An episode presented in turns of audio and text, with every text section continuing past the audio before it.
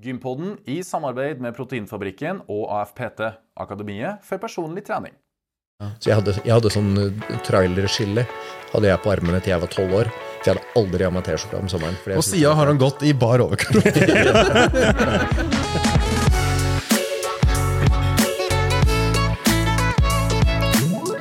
Og velkommen til Gympodden, den joviale pod- og videokassen for deg som er glad i trening, ernæring og din aktive livsstil. Nå som bestandig godt krydra med beleste gjester og faglige digresjoner. I dag har vi tatt turen til Geilo i Hol kommune, som er en av Norges største hyttekommuner, som ligger i Viken fylke. Der fikk dere geografien deres. Eh, og vi har tatt oss inn på ei leilighet på Vestlia resort. Veldig fint her. Kjempefint. Han som sitter og kvesker i bakgrunnen, det er, Fredrik By.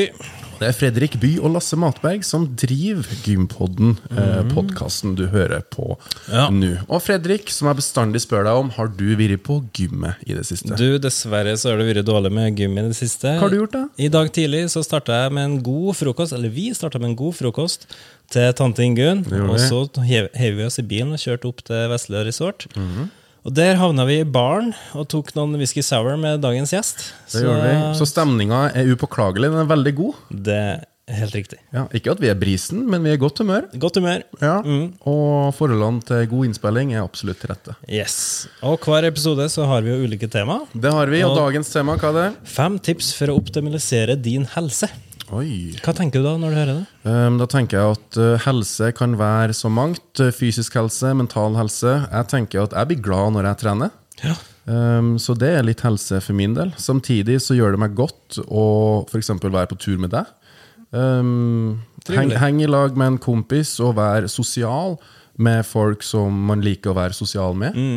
Eh, relasjon, relasjoner der. Um, og så er det jo um, helse, altså at jeg drikker nok vann, får meg nok søvn, uh, spiser mat når jeg blir sulten, Uh, trener, kjenner at jeg blir støl. La være å trene når jeg er støl, men venter på at uh, den stølheten går over, så jeg får kanskje utfordra kroppen på nytt. Og når det er sagt, så er det kanskje på tide å introdusere dagens gjest. Han klør seg i fingrene og er veldig klar for å ta del i praten, Ja. så vi kjører cello. Hør etter. Dagens gjest er født i Akershus og oppvokst i Svelvik. Der vokste han opp med lillesøster og sine foreldre. Ryktene sier at han begynte med benkpress allerede som sjuåring i kjelleren til sine foreldre. Og interessen for trening har fulgt han siden. Han har nemlig to NM-titler i Athletic Fitness.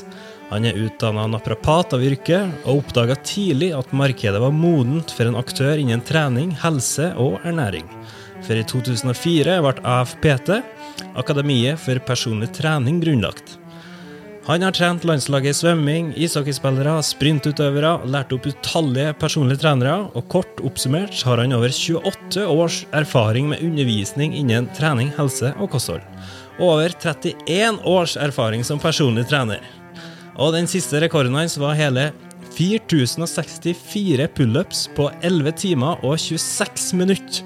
Og det her var som 50-åring. Ikke dårlig. Og med det så ønsker vi velkommen Espen Arntzen! Tusen takk for det, og takk for at jeg får sitte her på en eh, sen kveld og både spille en podkast og fått lov til å nyte et par whisky i baren. Det er. Det er setter vi pris på. Det er Det helse, det òg. Ja, men du, vi må spørre deg, har du vært på gym i det siste? Vet du hva, vi var der senest i dag. Ja, vi er jo på Vestlia Vi er Resort. på Vestlia. Ja, ja. Vi har ikke fått gleden av å, å trent der enda. Nei. Men, og jeg sier enda, for i morgen I morgen. Da ble det morgenøkt. Ja, blir det?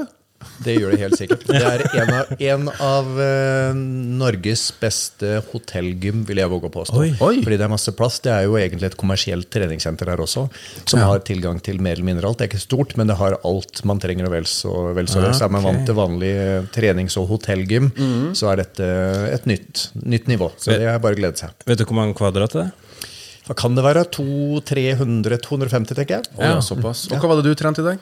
Vet du hva, Vi prøvde oss på litt beintrening. Jeg var jo så heldig å ha vært her et par dager med en god venn, Storo Shiosani, som dere også kjenner. Og han har vært på gympodden før. Det har han, og han er en eh, fantastisk mann. Så vi har i tillegg til at vi har skravla bort eh, minst 25 av de timene vi har vært her oppe, eh, på inn- og utpust, så hadde vi i dag litt beintrening. Og Det er jo noen ting, Jeg liker jo en viss form for trening, og Soros liker jo en annen form for trening. Så, Ja, for Hvilken form for trening liker du? vet du hva, Jeg er en gammel, eh, en gammel bro. Jeg liker eh, biceps og leg extension og flies og benkpress og den type ting. Ja. Har alltid syntes at det har vært en fascinerende del av det. Så vi trener jo av ulike ting. Jeg har aldri trent for prestasjon, for jeg har ingen fysiske talenter i det hele tatt. Jeg er dårlig stort sett i alt jeg gjør. Jeg er derimot ganske sta.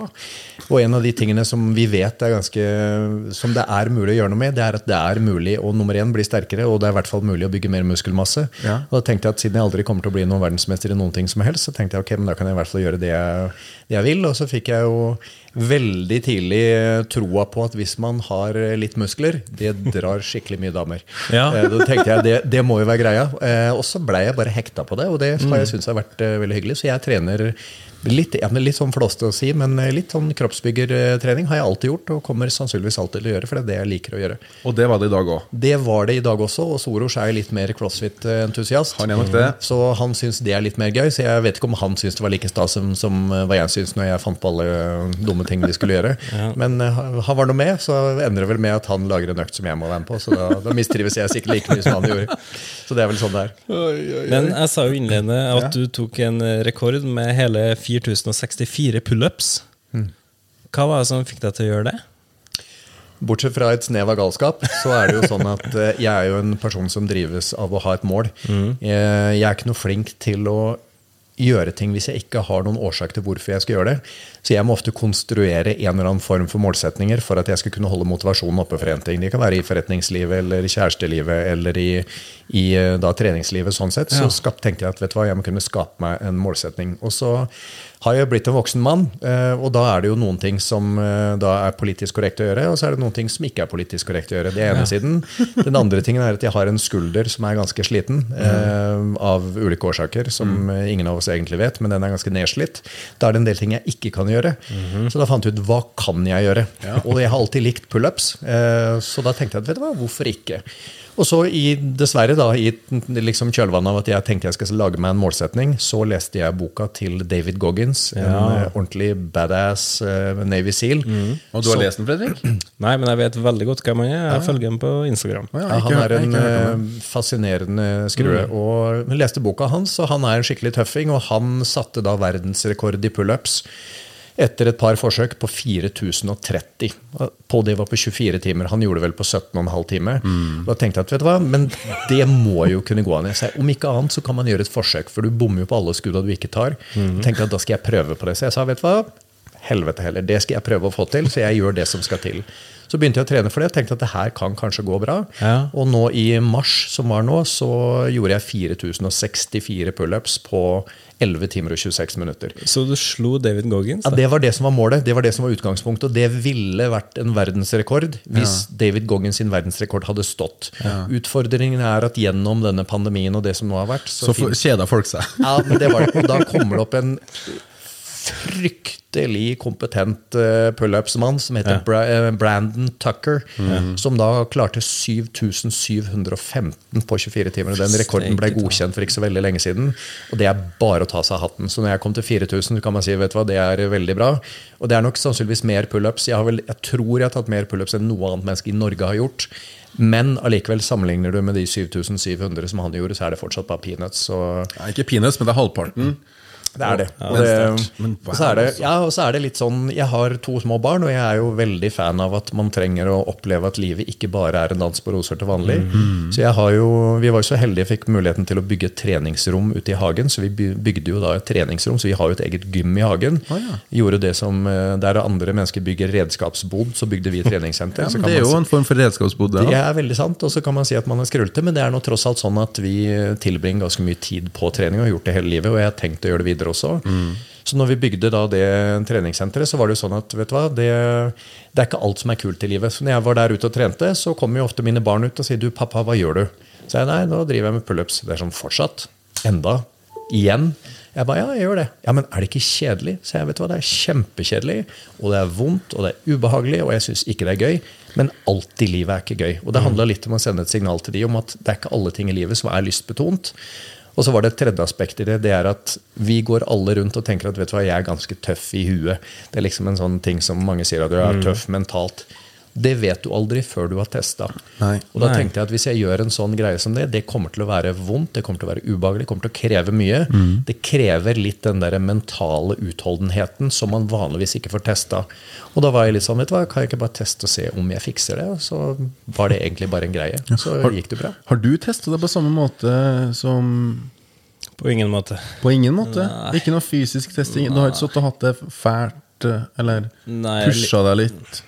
Nei, ikke på den måten der, altså. Jeg har ingenting å sammenligne med der. Ikke det? Nei. Så jeg hadde nok helt sikkert hatt godt av å vært med i Kompani Lauritzen eller en sånn type ting, bare for å pushe meg litt. Men, Ja, men, men det blir ikke helt det samme, føler ikke jeg. da For at herre gjorde du Du har ikke, jeg har ikke lest om herre media, herre gjorde du for deg sjøl.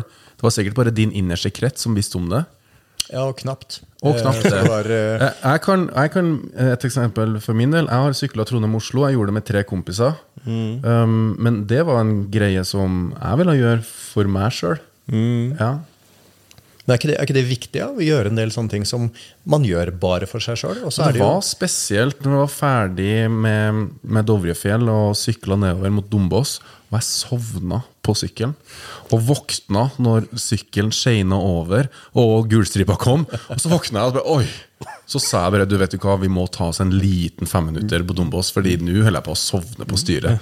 Men jeg, tror- jeg, tror man er, jeg tror man er godt av å gjøre de tingene. For at livet i dag er det bygd opp rundt at alt skal være så innmari bekvemt. Og jeg tror jo på lik linje som at når du trener, så løfter du alltid litt tyngre vekter, eller du løper litt lenger eller litt fortere, for å presse grensene, fordi da blir du bedre. Mens livet i dag er bygd opp rundt at alt skal være så bekvemt. Og da er jo min tanke at men når vi vet at det er når du pusher deg litt, at du faktisk blir bedre, og vi lever livet i dag og ikke har noen motstand i det hele tatt, Ja. så er mitt spørsmål men blir vi bedre da? Så jeg tror at Innimellom så tror jeg man trenger å oppsøke den type ting, hvor man får testa og pusha de grensene litt.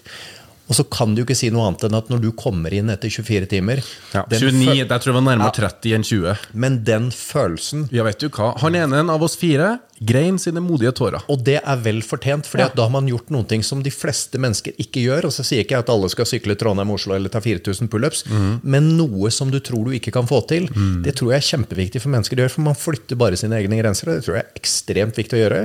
For sin egen selvfølelse. Det tror jeg er fryktelig viktig. Mm, amen. ja, vi får finne en greie jeg kan gjøre, da, så får vi teste. Ja, jeg kan gjerne bli med deg på noen greier. Ja, ja, absolutt. Ja.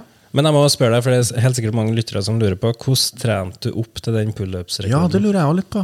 Vet du hva, Det, var, det handla jo om å fordi at Utfordringen når man skal ta så mange, uansett hva du gjør, så er det 4000 pullups. Jeg veier 80 kilo. Så Da kan du ta 4000 og kan du gange det med 80 kilo. Da kan du regne ut hvor mange kilo det da belaster ledd. Så uten, uten å liksom legge det mellom, eh, mellom liksom linjene, så er det sånn at du går i stykker enten du vil eller ikke. Fordi at den totale belastningen den er så stor. Og da handler det om hvor mye kan jeg trene på veien opp, sånn at jeg tåler mest mulig på veien. For når du skal gjøre det, så får du den belastningen kasta på deg eller ikke. Så jeg begynte veldig forsiktig. Jeg begynte med to pullups hvert, eh, hvert minutt i da en time. Eller første var to pullups i minuttet i 30 minutter. Det var liksom de, de første øktene. Og sakte, men sikkert så graderte jeg bare opp dette. Så jeg har gjort flere og flere per minutt. Sånn at du bare akkumulerer. Så jeg, ikke bare gjorde jeg flere per minutt, men jeg økte også da varigheten på disse øktene. Sånn at den lengste økta jeg hadde, det var jo da ni timer i strekk med åtte pullups i minuttet. Det var den lengste økta jeg hadde før dette. Eh, og da ender du opp i en sånn setting hvor det er sånn, det er en forferdelig sum med, med, med pullups, det også. Men, så du må akkumulere en mengde på lik linje. Skal du løpe maraton, så må du venne deg til å løpe 40 km. Det er, eller 42 km. Du, må- du må bare tåle å være på beina i fire timer eller fem timer. Så én del av treningen det handler om å akkumulere, det vil si samle på seg nok antall repetisjoner, sånn at du vet at jeg tåler belastningen. Det er den ene. Den andre tingen er å bli så sterk som du kan, fordi at jo sterkere du er i én repetisjon, jo mindre koster det deg å ta en repetisjon. Og Jeg pleier å sammenligne det med å ha en bankkonto. Hvis du har en stor bankkonto, så er det å gå og shoppe det er så vidt du merker det på bankkontoen. Men hvis du har en liten bankkonto, så vil det å gå og shoppe det kan være ganske kostbart. Så jo større bankkonto du har, dvs. Si jo større styrkereservoar du har, jo mindre vil hver repetisjon liksom tappe deg fra det. Så da var jo én del å bygge opp antall repetisjoner, og én del var å bygge styrke. Og da er det jo sånn litt sånn grovt sett så er det jo Man skal jo også restituere seg i en eller annen form. Og da handler det om å balansere til hvor mye tåler jeg underveis. Og da var det vanligvis to økter i uka. Eh, opp til tre, som handler på å akkumulere på seg nok antall repetisjoner, og én til to som gikk på maks styrke. Så det var pullups fem dager i uka i ganske lang periode, hvor du sakte, men sikkert bare bygger på både kilo osv. Hvor lang periode? Flere måneder? Ja, Halvt år? Ett år? Det var nesten et år. Nesten et år, Eh, ja. Som det var. Eh, Og det var fordi at jeg tenkte at en ting er at jeg skal gjøre målsetning, eller nå denne målsetningen, men den målsetningen er ikke verdt noen ting hvis jeg går i stykker så mye på veien at jeg ikke kan gjøre noe etterpå. Nei. Og det er jo litt av det som er risikoen, at når du gjør en sånn ting som det, ting kan virkelig gå i stykker. Mm. Og da er det sånn, ok, men hvordan kan jeg oppnå resultatet uten at konsekvensene blir så store at det ødelegger meg på en eller annen måte? Og jeg tror nok de aller fleste kunne prøvd i dag å teste, og så ser du hvor mange pullups du klarer. Tar du 60 minutter da, i x antall eh, timer, prøver man, så vil du merke i morgen at vet du hva, det der det går jeg i stykker av. Så du må bygge opp den toleransen, og det tar tid.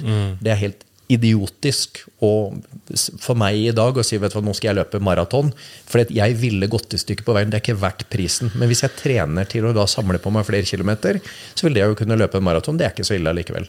Så det, er jo, det handler om å ha litt tid på det. Så jeg våger jo påstå, jeg tror vel de, de fleste med et normalt fungerende fysisk kropp som er relativt veltrent, kan absolutt gjøre det jeg gjorde. Men du må være villig til å legge ned den tiden, og det er det kanskje ikke så mange som er villige til å gjøre. Nemlig. For du er jo en seig mann. Jeg, li jeg liker når ting gjør vondt. Eh, for at da er det litt sånn at den som tåler mest vondt over lengst tid, Ja. vinner ofte. Og siden jeg aldri har noen fysiske talenter, så har det eneste jeg har hatt å spille på, det har vært det at jeg tåler når ting gjør vondt, kanskje litt mer enn ganske mange andre gjør. Og det har vært den, lille, den bitte lille fordelen jeg har, og da må du bruke de fordelene du har til, eh, liksom, som hjelper deg. Når du starta dette prosjektet, hvor mange hangups klarte du å ta da?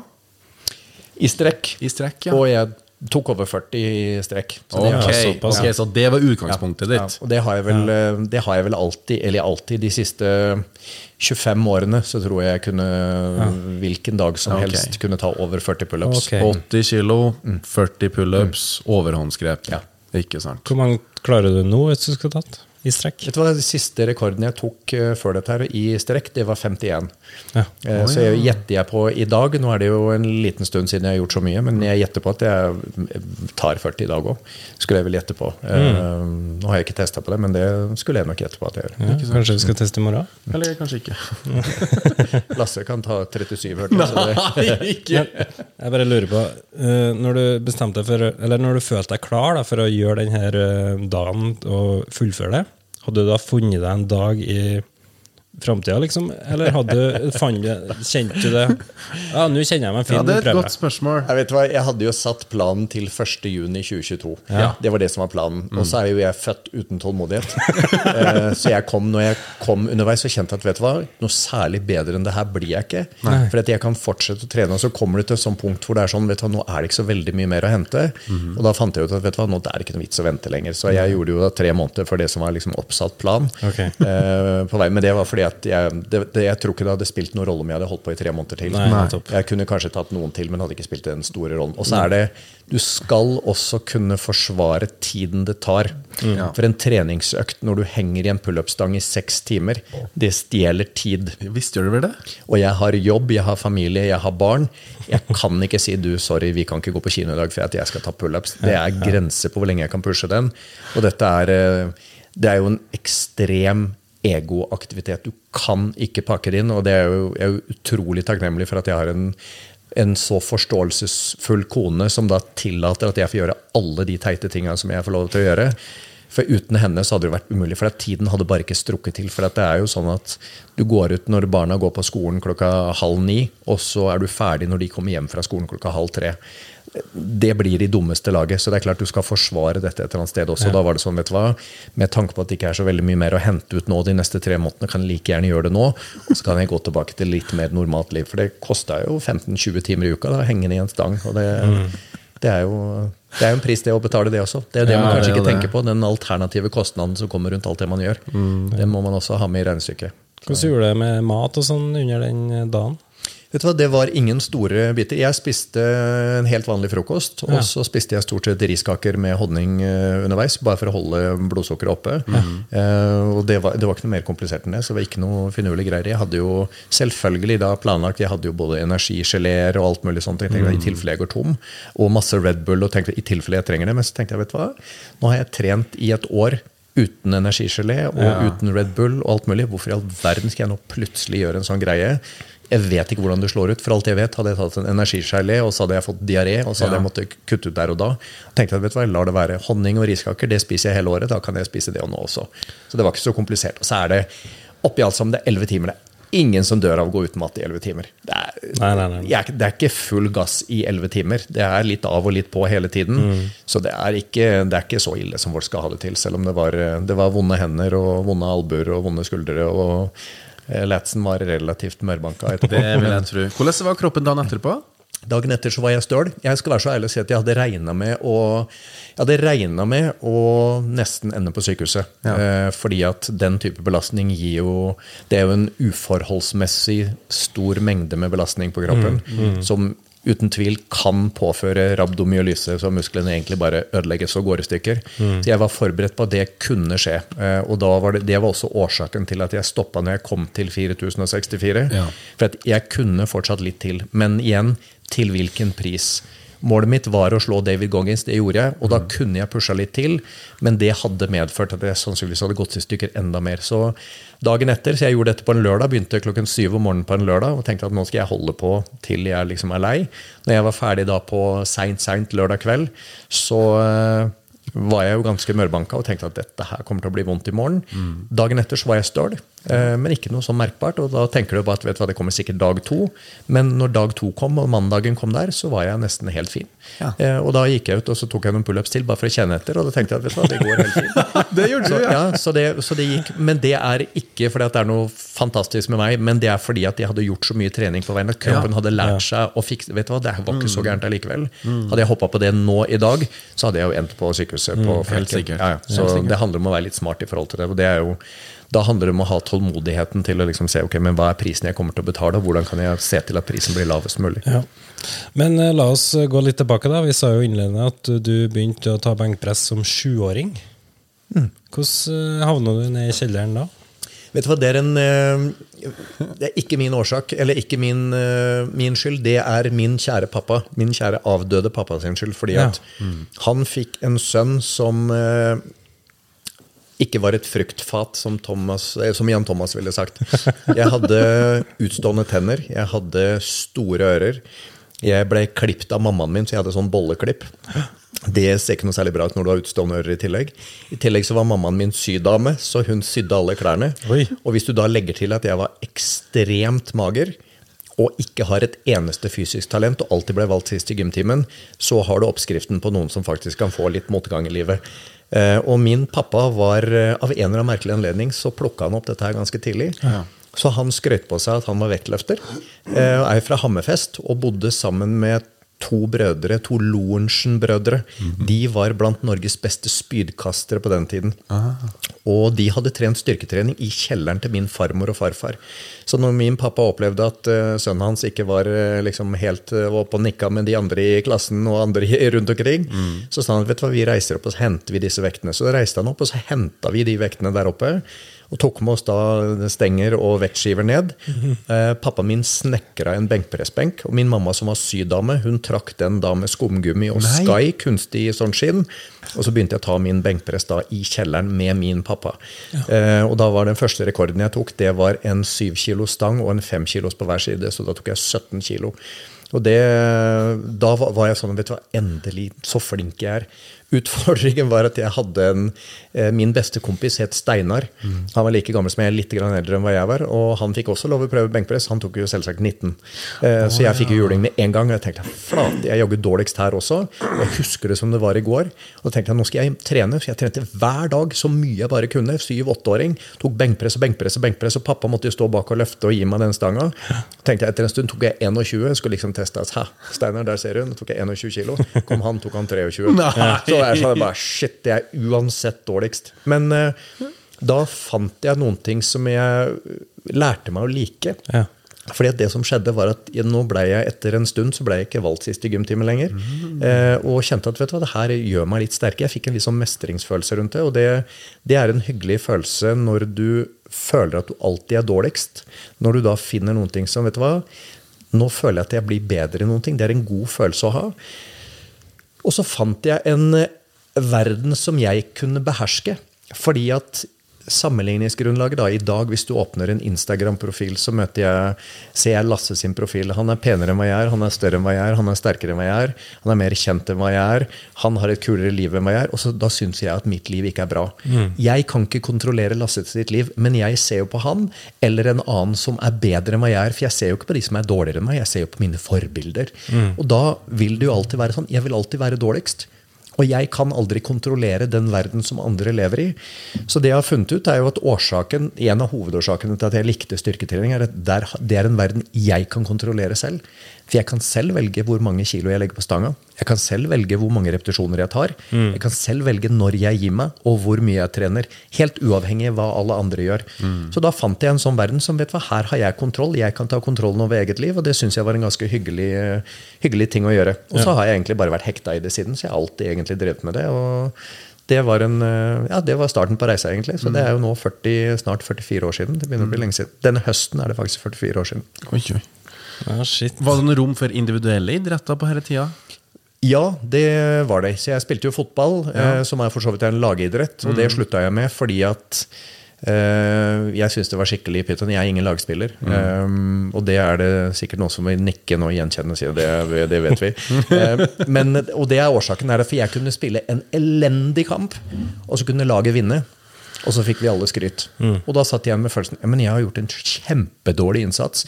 Fortjener ikke å få skryt for dette her.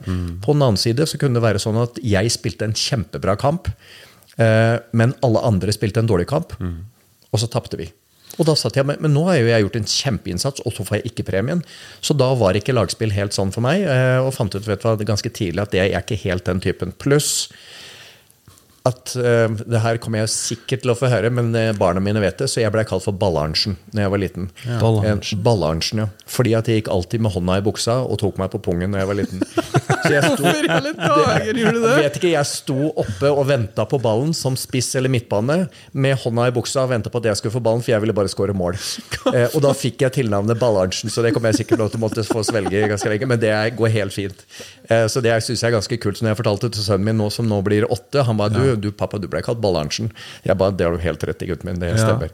Og de syns jo det er stas, og for meg i dag så det koster meg jo ingenting å si det. Så, men det var en og da fant jeg ut at fotball det var ikke helt for meg, så da begynte jeg med langrenn. eh, og det likte jeg jo, for det var jeg kom inn i et veldig godt miljø med gode mennesker som blei ble mine beste venner. Så jeg likte å gå langrenn, og pappaen min elska alltid å være sammen med meg.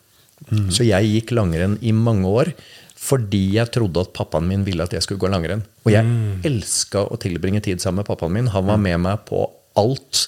Jeg var ikke én eneste dag borte fra han før jeg var 13 år. Oi. Eh, Så vi var sammen.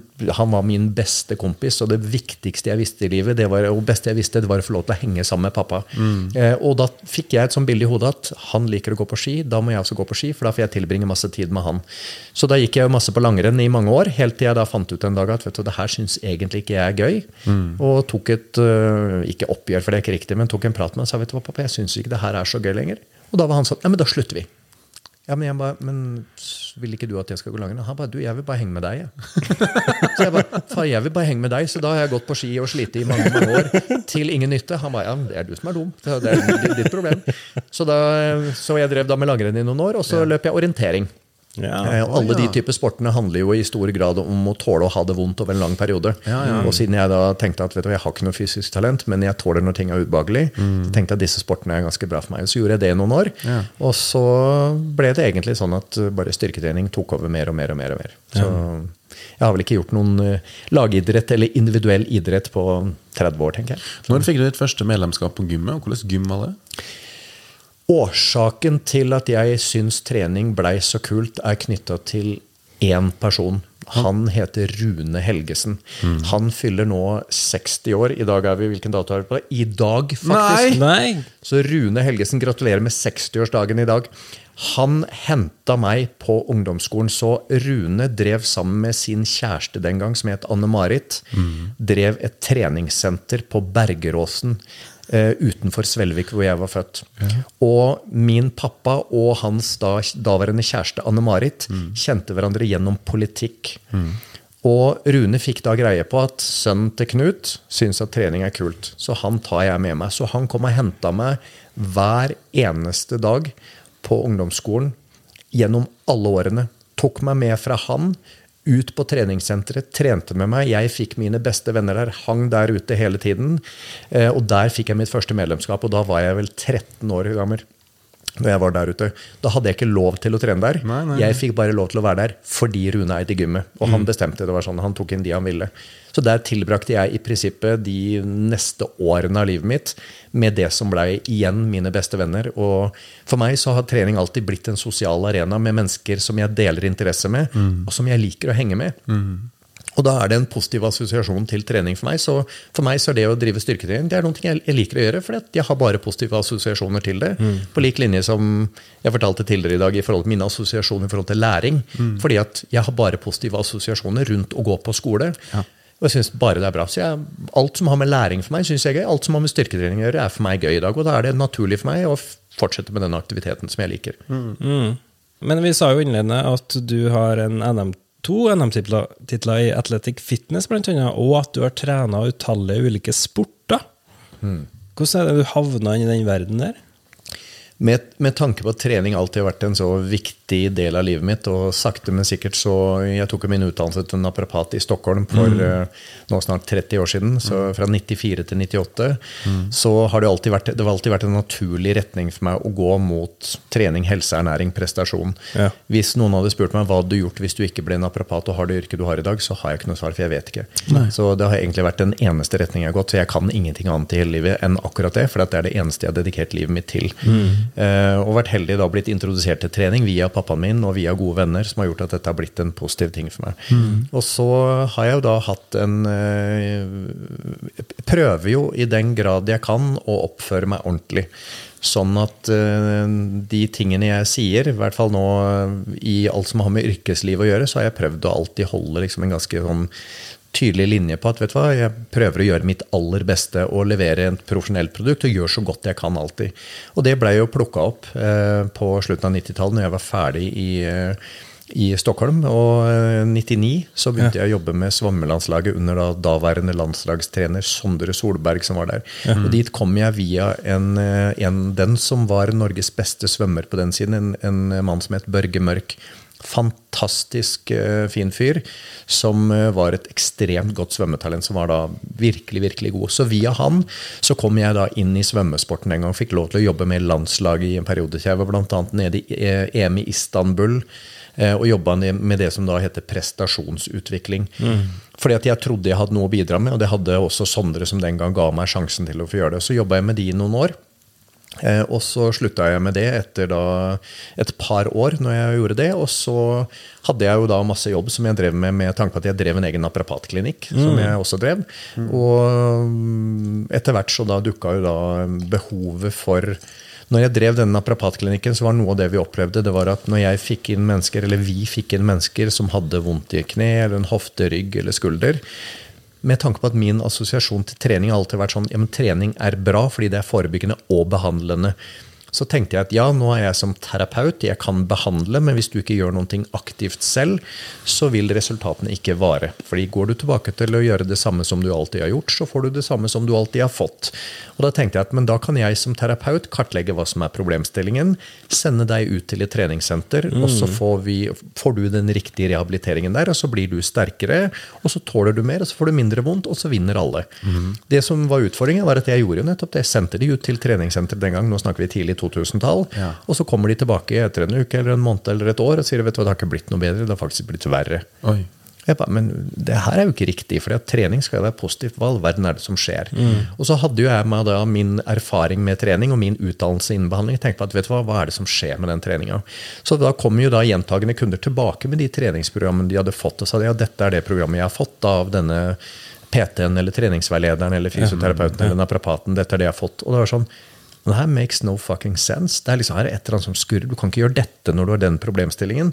Så man begynte å se at vet du hva, det, må jo være en brist på kompetanse et eller annet sted. Ikke fordi at jeg er smart, men fordi at hvis du gjør en ting som skal virke, og det ikke virker sånn, så er det et eller annet som skurrer et eller annet sted. Og da begynte vi å se hvordan er det med utdannelsen og kompetansen rundt personlig trening og det som foregår ute i dag.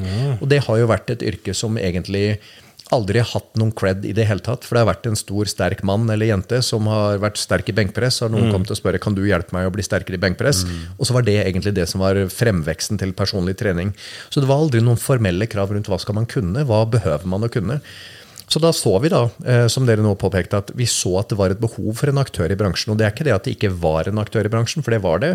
Men den aktøren klarte ikke å serve alle, og klarte kanskje ikke å levere alt det som vi så fra, som fra terapeutsiden var, kanskje var nødvendig. Så da gjorde vi litt eh, sannsynligvis det som jeg mener er det smarteste vi noensinne har gjort, og som jeg anbefaler alle som skal drive noen form for business, å gjøre. Vi gjorde en litt sånn reverse engineering. Så istedenfor at vi skulle lage et produkt som vi tenkte at dette er skikkelig bra, så gikk vi heller ut og så spurte vi hva er det dere vil ha. Så vi gikk ut til markedet og så spurte vi treningssentre og leger og fysioterapeuter og naprapater og trenere og treningsveiledere osv. idrettsutøvere hva må en personlig trener kunne. Og da får du jo tilbake de naturlige tingene. Ja, Du må kunne litt om anatomi, du må kunne litt om fysiologi, du må selvfølgelig kunne litt om ernæring, du må jo kunne noe om skader, du må kunne litt om bevegelighet, litt om treningslære, litt om utholdenhet osv. Og, så og da fikk jo vi hele denne, denne kursplanen egentlig levert til oss.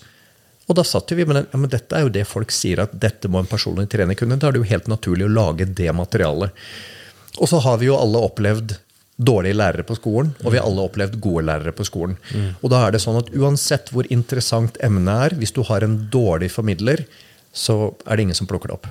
Men hvis du har en god formidler, så kan en god formidler også få et dårlig og uinteressant tema til å bli interessant. Så vi tenkte at vi har nå lista på hva man må ha, men vi må ha mennesker som virkelig kan kommunisere dette ut. Og da gikk vi ut til markedet og spurte følgende spørsmål. Hvem er best på å formidle disse temaene? Som vi kjenner i dag. Og da fikk jo vi da forslag på de menneskene som skulle da passe inn og være de beste i Norge i dag. Og da var vi så heldige og fikk flere lærere fra Olympiatoppen som ble anbefalt. Så vi gikk til og spurte hvem er dere interessert i å være med på dette. Og da var vi, fikk vi ja. Så Per Egil Refsnes, som da var kjent som mister styrketrening på Olympiatoppen, Var det han som døde i bilulykke? i sykkelulykke. ja. Stemmer. Det er, i mine øyne, det er Idretts-Norges største tap noensinne. Han var en unik person og en fantastisk fagperson, respektert over hele verden. Det var en landesorg når det skjedde. Det er en av de største nedturene som jeg mener norsk idrett har hatt. Så han var det. Vi hadde Han som er toppidrettssjefen i dag, Tore Øvrebø, han var inne og hadde utholdenhet hos oss. Vi hadde Morten Bråten, som da var på Olympiatoppen. Han var inne og hadde bevegelighetstrening og en del basistrening. Så vi hadde mange mange, mange gode forelesere som kom inn, og det var litt om det som var utgangspunktet. Og så var det de som lagde materialet. Så utgangspunktet til det som nå er AFPT, nå 19 år etterpå, det er spørsmålene vi stilte til markedet. Hva vil dere ha? Hvem er best på å undervise om dette her? Og at de lagde materialet. For det vi egentlig da fikk, det var det markedet ville ha. Formidla av de menneskene som, skulle, som kunne formidle det. Og de fikk lov til å lage det materialet som de mente var nødvendig. Og da hadde vi liksom fått en flying start på det. Og så har vi selvfølgelig en stor andel med flaks oppi alt sammen også, for akkurat i det området 2004, 5, 6 og 7 så skjedde det noe i treningsbransjen. For da gikk man bort og så fjerna man treningsveiledning, som tidligere har vært en gratis tjeneste. Og sa man nå får du ikke den tjenesten gratis lenger, nå må du kjøpe personlig trening. Nemlig. Og da sto vi der. Så det har vært en av hovedårsakene til at vi faktisk da vi hadde riktig produkt på akkurat riktig tidspunkt. Og så har det egentlig bare bygd på seg. Og med tanke på at vi har vært en privat aktør, så er det jo selvfølgelig noen som dessverre ikke unner oss å lykkes. Som da har alltid vært ja, dere kommer til å mislykkes, dere er ikke bra på det, dere er ikke bra på det. Så vi har alltid vært nødt til å levere så godt vi bare kunne. Vi har aldri hatt privilegiet å sette oss tilbake på stolen og si vet du hva, nå er det greit nok. Vi har alltid måttet levere. Så vi har alltid da evaluert foreleserne våre beinhardt, sånn at de faktisk scorer det at studentene evaluerer de som gode forelesere. Vi har oppdatert materialet vårt to ganger i året i alle år. Og vi gjør et sånn total renovering av materialet. Hva vil markedet ha? Hva er det de studentene vi har, trenger for å lykkes i markedet?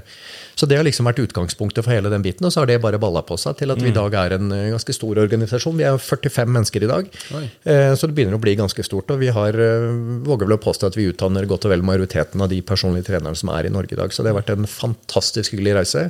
Og alt har egentlig utgangspunkt i en enkel ting. Det er en liten snørrunge på syv år med utstående tenner og utstående ører, med, uten fysisk talent, som ikke hadde av seg T-skjorta før han var tolv år gammel fordi jeg var, syntes det var flaut å være så tynn. Så jeg hadde, jeg hadde sånn uh, trailerskille hadde jeg på armene til jeg var tolv år. For jeg hadde aldri av meg T-skjorta om sommeren. Og sida har han gått i bar overkropp. Nei da, det påkledd her i dag. Så det var en lang, lang historie rundt dette. Og da, som sagt, jeg har vært heldig å, via da, det miljøet som jeg var i, så har jeg vært heldig å komme inn i ulike, ulike idrettsgrener og blitt presentert for ulike mennesker og fått muligheten til å levere det som jeg tror jeg kan. Mm. forhåpentligvis fordi at jeg har gjort en god jobb, og mennesker sier at vet du hva, han virker som han vet hva han driver med, så la oss gi han en sjanse. Absolutt. Hvor mange utdanner dere nå i løpet av et år? Nå har vi ca. Vi har ca. 600 PT-studenter. Ja. Eh, Det har vi hatt de tre siste årene. Ja. Så fra, egentlig fra korona kom og så 2021 og så langt i 22, utdanner vi rundt 600 PT-studenter i året, pluss da mange hundre som tar videreutdannelser og kurs ved siden av. Og så er jo en av tingene som vi, vi prøver å gjøre, som eh, egentlig ikke kommer fram i alle settinger vi gjør. Vi prøver jo å gjøre noe bra.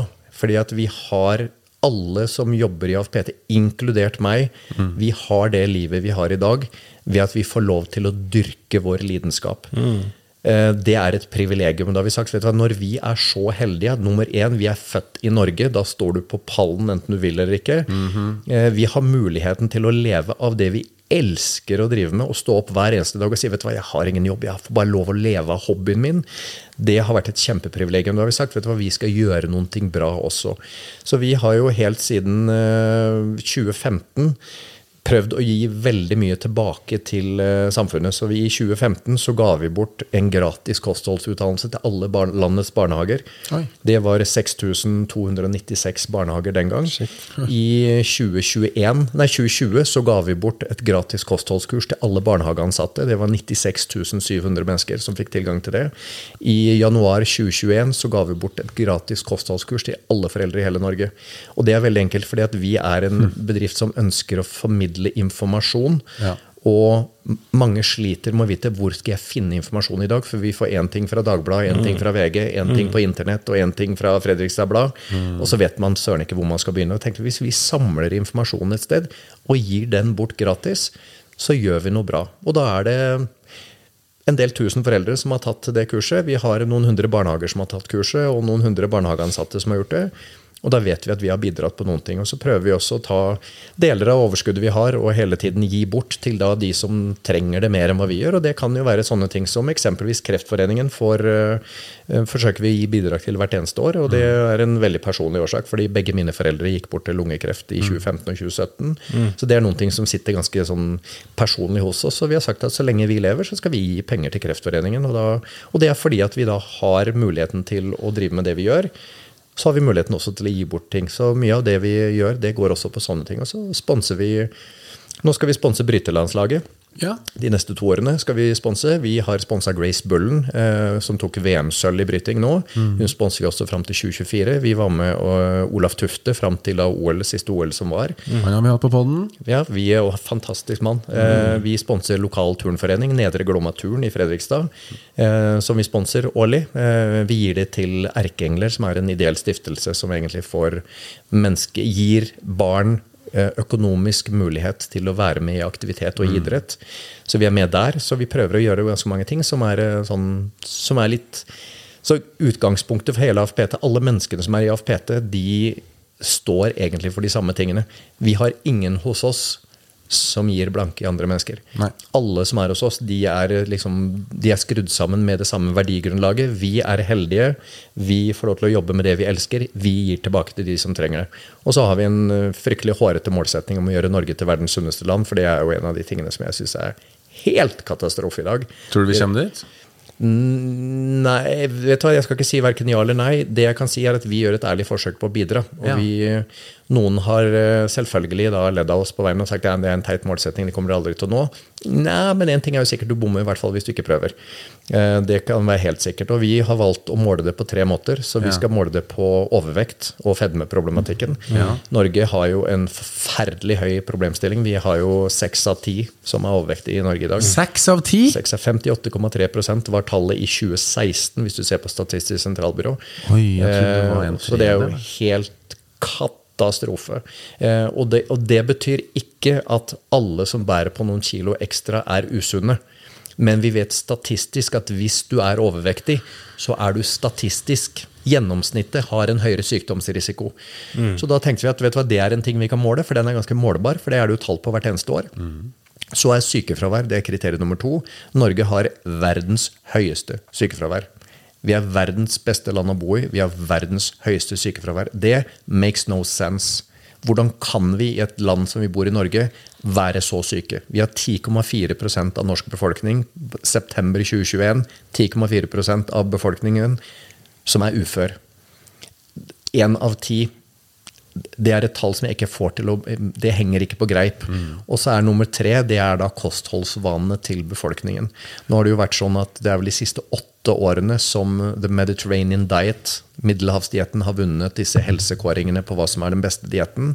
Så jo mer vi kan få mennesker i den retningen, jo bedre er det. Så de tre måleparameterne er det vi skal prøve å gjøre. Så vi har jo satt ned da en, en gruppe mennesker som skal se på hvordan det arbeidet vi gjør, påvirker Norge i den retningen. Og så kan det være at kanskje vi ikke klarer å oppnå noen ting i det hele tatt, men vi kan i hvert fall si at bakgrunnen for det hele det er at når mine barn fyller 20 år, så skal de kunne se meg i øynene, og jeg skal kunne se de i øynene, og de skal kunne sitte og si følgende spørsmål til meg. Pappa, du så denne problemstillingen komme. Du så miljøproblematikken komme.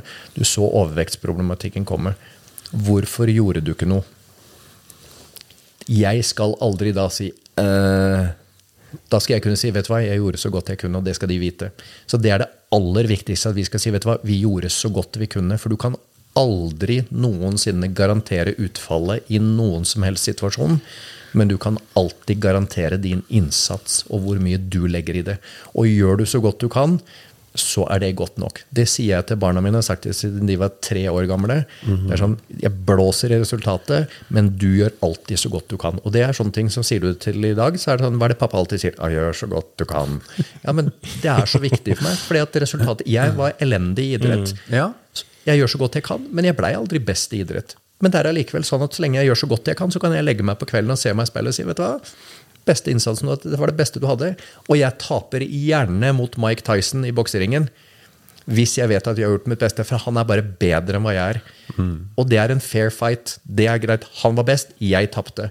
Men hvis jeg skulle tapt mot en, en dårligere motstander, eller en dårlig motstander fordi jeg hadde gjort en elendig jobb, så hadde jeg jo aldri kunne liksom tilgitt meg selv. Og i tillegg er det jo sånn at jeg kunne jo vunnet mot en dårlig motstander, men hadde jeg sittet igjen med følelsen av at den seieren her var jo ikke fortjent, så hadde det vært en bismak med det også. Og det tror jeg kanskje er noe av det viktigste. Men det er en ganske stor forskjell på det vi kaller suksess, og det vi kaller seier. For seier handler egentlig bare om å velge en dårligere motstander. Og suksess handler i min verden det handler om vet hva, gjøre ditt beste. Det er, da vinner du uansett. Men seier, enkelt velg dårlige motstandere, så vinner du alltid. Dere hadde jo nettopp han Jack Det hadde vi. eh, på podden som var her. Han ville sannsynligvis sagt det samme. Taper gjerne mot en bedre motstander. Taper ikke med, hvis de har gjort en dårlig innsats. Det tror jeg bare er skrudd fast i noen mennesker, og noen mennesker lever etter det. Jeg er en av de. Og noen gjør det ikke. Og det er også helt fair. Nei, men Det er fantastisk fint å høre det engasjementet AFPT har da, til både eh, toppidrettsutøvere og samfunnet generelt. da. Den jobben dere legger inn der, er jo helt fantastisk. Og en ting du ikke nevner, er at dere har utdanna 9000 PT-er ifra dere starta. Eh, Begynner å bli ganske mange. hvor mange av de 9000 tror du er aktiv tjeneste i dag? For å Jeg, skulle gjette på at uh, hvis du ser på tallene til Virke, så er det rundt 2000 aktive eh, trenere i Norge i dag. Dvs. Si de lever av det. Ja. Uh, jeg skulle gjette i dag at rundt 1000 av de er mennesker som vi har utdannet. Så ca. halvparten av de som i dag jobber, de kommer fra oss. Og mesteparten av de som utdannes i Norge i dag, de kommer fra oss. Så jeg skulle vel spå at det tallet egentlig bare kommer til å vokse. Ja. Og Det betyr også at oppi alt sammen, vi har jo et kjempestort samfunnsansvar. For hvis det er våre ansikter utad Nemlig. som er i bransjen, så kan ikke vi vi kan ikke liksom bli sløve. Vi kan ikke bare si Nei, «Eh, nei. pytt, pytt. Vi er nødt til å alltid levere, for det er de menneskene som er ansiktet utad. Ja. Og det må vi gjøre. Og det er eh, utrolig mange gode utdanningsaktører i Norge i dag. Du har Id- Idrettshøgskolen, Active Education, Helsehøgskolen Kristiania og mange til som leverer innmari gode utdannelser. Men akkurat nå så er det sånn, vi er også en av de. Ja. Og da bærer vi vårt, eh, liksom vår, eh, vårt brand bærer vi på brystet og i hjertet. Da sier jeg at vet du hva, vi skal gjøre så godt vi kan, og i hvert fall vite at vet du hva, vi gjorde så godt vi kunne. Og så er det alltid noen som ikke syns at vi gjør en god jobb, og det er helt fair. Men vi skal i hvert fall kunne se oss alle i øynene og si at vet du hva, vi gjorde så godt vi kunne. Og da går det bra, så går det bra. Og hvis det ikke går bra, så kan vi si igjen vet du hva, vi gjorde så godt vi kunne, og vi hadde bare ikke livets rett, og det er ok, det òg. Ja. Og er du nysgjerrig på å bli personlig trener, så kan du gå inn på nettsidene til afpt.no, så kan du lese mer om alle kurs og foredrag Jeg har vært inn her, du trenger ikke å lese engang. Det er bare å trykke på noen videoer, og så ser du Ja. Espen, og du ser Kine, og så mye fine folk der Ja. som sier egentlig Du trenger ikke bare lene deg tilbake. Drikk kaffen din, eller spis frokosten din, eller det du har på fatet, og så får du masse god informasjon. Ja. Det, det, er litt, det må kunne gi litt skryt til Det er alltid som man skal alltid hilse hjem når man er på TV. Men det er også et eh, stort klapp på skulderen til alle foreleserne vi har. Vi, Ja. Det er hovedårsaken til at AFPT i dag har den standingen som det har. Det er de menneskene vi har som gjør en så fantastisk bra jobb. Eh, og det er noen ting som aldri kommer fram. Jeg er en person som ikke Jeg er nok ikke flink Eller er nok ikke Jeg vet jeg ikke er flink nok til å gi nok skryt. Eh, Noen mennesker trenger mer skryt enn hva jeg gjør, og jeg er ikke alltid like flink til å se de behovene. Og de menneskene som vi har hos oss, jeg tar jo høyde for at de skjønner at de gjør en god jobb. Og det får de ved et klapp på skulderen i ny og ne, men i en sånn setting som det her, så fortjener de også å høre at vet du hva, det er pga. de at vi, eh, vi får muligheten til å gjøre det vi gjør i dag. Uten de så hadde ikke vi vært noen ting. Så verdi, verdien hos oss, det er menneskene som er hos oss. Helt uten tvil. Det er ikke hvordan knebøyteknikken ser ut, det er menneskene utelukkende. Mm. Det er godt å høre. Mm. En annen ting, hvis du er litt nysgjerrig på å lære enda mer om trening, helse og kosthold og generelt, så kan du gå inn og høre på podkasten til AFPT. AFPT-podden. Ja. Og der er det jo masse ulike tema der også, der du kan bli litt eh, bedre Litt mer kunnskapsrik. Veldig. Mm. Veldig. Anbefales. Ja. Men vi må jo knekke oss inn på dagens tema. Det er jo det vi må. fem tips for å optimalisere din helse. Og vi kan egentlig bare begynne med deg, Espen. Hva er ditt første tips når du hører det ordet? Den setningen? Vet du hva, det første tipp, og Tanken er jo alltid det at når man snakker om helse, så betyr helse ulike ting for ulike mennesker. Og Ser man på definisjonen til eh, Verdenshelseorganisasjonen, som har vært siden 40-tallet, eh, så er det jo da en tilstand av fullstendig fysisk, psykisk, mental og sosial velvære. Ja. Og ikke bare da fravær av sykdom. Så det betyr veldig enkelt at alt skal være på stell for at vi skal kunne si at vet du hva, check på helseboksen. Og da våger jeg å påstå at eh, jeg kan i hvert fall si med trygghet at jeg sjekker ikke av den boksen helt. For jeg har ikke fullstendig velvære på verken fysisk, psykisk, sosial eller mental velvære. Innimellom syns jeg livet er skikkelig kjipt. Innimellom så er jeg en dust. Innimellom har jeg vondt i skulderen, osv. Så, videre, og så, videre. så det betyr at jeg kan ikke sjekke av den boksen. Så for meg så er helse jeg har lyst til å sette en annen definisjon på det. Eh, og det er ikke min, så jeg må liksom gi cred til den. Så det var en mann som het Ivan Illik som har kommet med den. Og han sa at helse det er evnen til å kunne tilpasse seg til stadig endrede omgivelser. Den syns jeg er så veldig mye bedre enn Verdens helseorganisasjon sin eh, definisjon. fordi at den definisjonen til WHO den er ikke oppnåelig for de fleste av oss i dag. For at vi treffer aldri den. Men vi kan være i en tilstand der vi er i stand til å tilpasse oss til endrede da, eh, forutsetninger som skjer, eller da, eh, ting som skjer med oss. Eh, Og det er Som et eksempel så er det jo for min del så har jeg alltid vært opptatt av å trene for prestasjon. og liksom, Kunne jeg hatt sixpack og store biceps, så syns jeg det var skikkelig kult. I dag står det ganske langt ned på lista. Ja. I dag så er målet mitt å trene og ikke lage pappalyder når jeg går opp og ned på gulvet med barna mine. Eh, Det å kunne leke med de og vite at jeg er det, og ikke kunne si du pappa må sove eller pappa har vondt i ryggen, så pappa kan ikke. Så for meg så har det, det har endret seg totalt. Og det var ikke noe galt i å trene for prestasjon. Og det er heller ikke noe galt i å trene for helse. Det er bare sånn at det har bare endra seg. Så verdiene har bare endra seg. Så nå har jeg mer lyst på det enn hva jeg hadde det, og da er jo treningen min på en annen måte. Så det å være i stand til å tilpasse seg til nye omgivelser og endrede omgivelser og forutsetninger, som da små barn, eller at man blir eldre, eller at det blir kaldt og is ute, osv., osv., det er en viktig definisjon på det. Så Jeg har lyst til å bare starte med det som et utgangspunkt. Kjempeviktig. Hvis jeg skal, på Siden da temaet er fem ting, så øh, har jeg lyst til å plukke opp noen, og ikke noe sånn spesielt hierarki, forutenom den første. Og det vil jeg si, det er søvn. Eh, og det er, det er dessverre en ting som hvis du lytter på Arnold sine utsagn, så er det sånn If you sleep eight hours a night, I want you to sleep a little faster. Eh, det, det Har du sagt? Ja, ja, ja. Så han sier at hvis du trenger å sove åtte timer, så må du bare sove litt fortere. Men det, så kan du gjerne si ok, kjempekult og sagt, og- For det har alltid vært sånn at hvis du sover lite, så er du viktig. Er du sover du litt, så er du flink, for at du er veldig liksom, opptatt. Men det er stor forskjell på å være smart kontra å være opptatt. Yes. Og vi vet jo i dag at ja, kanskje Arnold slipper unna med fem timers søvn, hva vet vel jeg. Men vi vet nå at voksne mennesker i dag et sted mellom syv og ni timer. Det trenger vi for å fungere optimalt. Og vi trenger også da ha dyp søvn, så vi klarer å restituere oss. Og vi trenger å ha liksom tilstrekkelig kontinuerlig søvn. Så det å sjekke av den søvnboksen først, det mener jeg er den absolutt viktigste biten. For å ha liksom for, det er liksom bunnen på pyramiden. Sover du ikke, så dør du. Eh, og da kan vi si akkurat hva vi vil. Nei, så ille er det ikke. Jo, det er det. Fordi at det fins sykdommer som gjør at du faktisk ikke får sove. Da dør du. Det fins en Det heter en eh, familiær eh, insomni. Så det er en arvelig sykdom, eller en sykdom som gjør at du faktisk ikke kan sove. Det er ikke mange mennesker i verden som har det, men da dør du. Og alle de som har gått uten søvn over en lang periode, merker at du blir litt mer klønete. Det er litt lettere å tråkke over, du blir litt treigere i reaksjonsevnen, så alt går egentlig Du er dårligere for å lære, osv. Så, videre. så det er liksom fundamentet i alt. som Har du ikke søvn, så vil alt annet du bygger på toppen av det, det vil egentlig nesten være bortkasta. Så sjekk av søvnboksen først. Syv til ni timer. Eh, Hvordan er din søvnrutine? Altså før eller tidligere?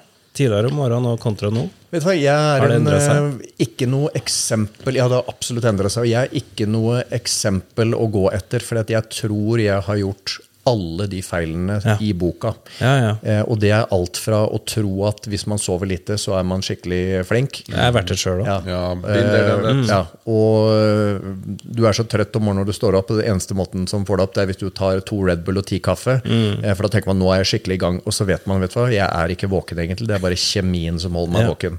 Så søvnmønsteret mitt har endra seg veldig. Eh, Jeg har alltid vært i behov av mye søvn.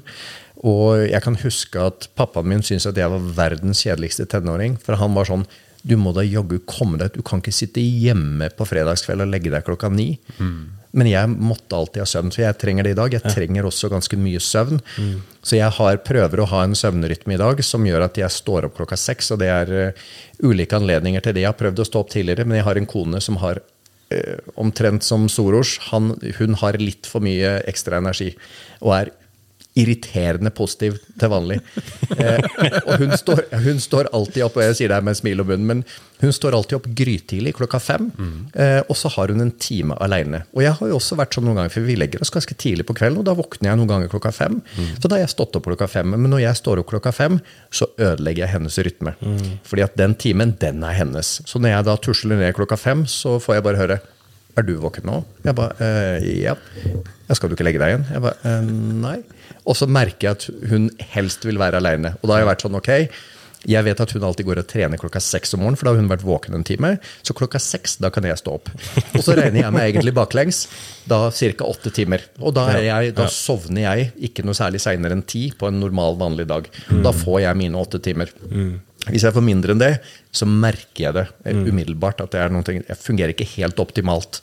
Så kan det være at det er fordi at jeg har innstilt meg på at jeg må ha åtte timer, så når jeg ikke sover åtte timer, så fungerer jeg dårligere. Kan godt være en sånn placeboeffekt. Men uansett så merker jeg det. Ja. Så et sted fra ti til seks, der er nok jeg, du finner du meg i søvn. Så jeg er Ja. sannsynligvis verdens kjedeligste 50-åring. Så nummer én er søvn, og det er på en måte fundamentet da, for nummer to, tre, fire og fem. Absolutt. Og da lurer vi på hva er nummer to? Og det var del én til episoden med Espen Arntzen. Del to kommer neste torsdag. Gympodden i samarbeid med Proteinfabrikken og AFPT, Akademiet for personlig trening.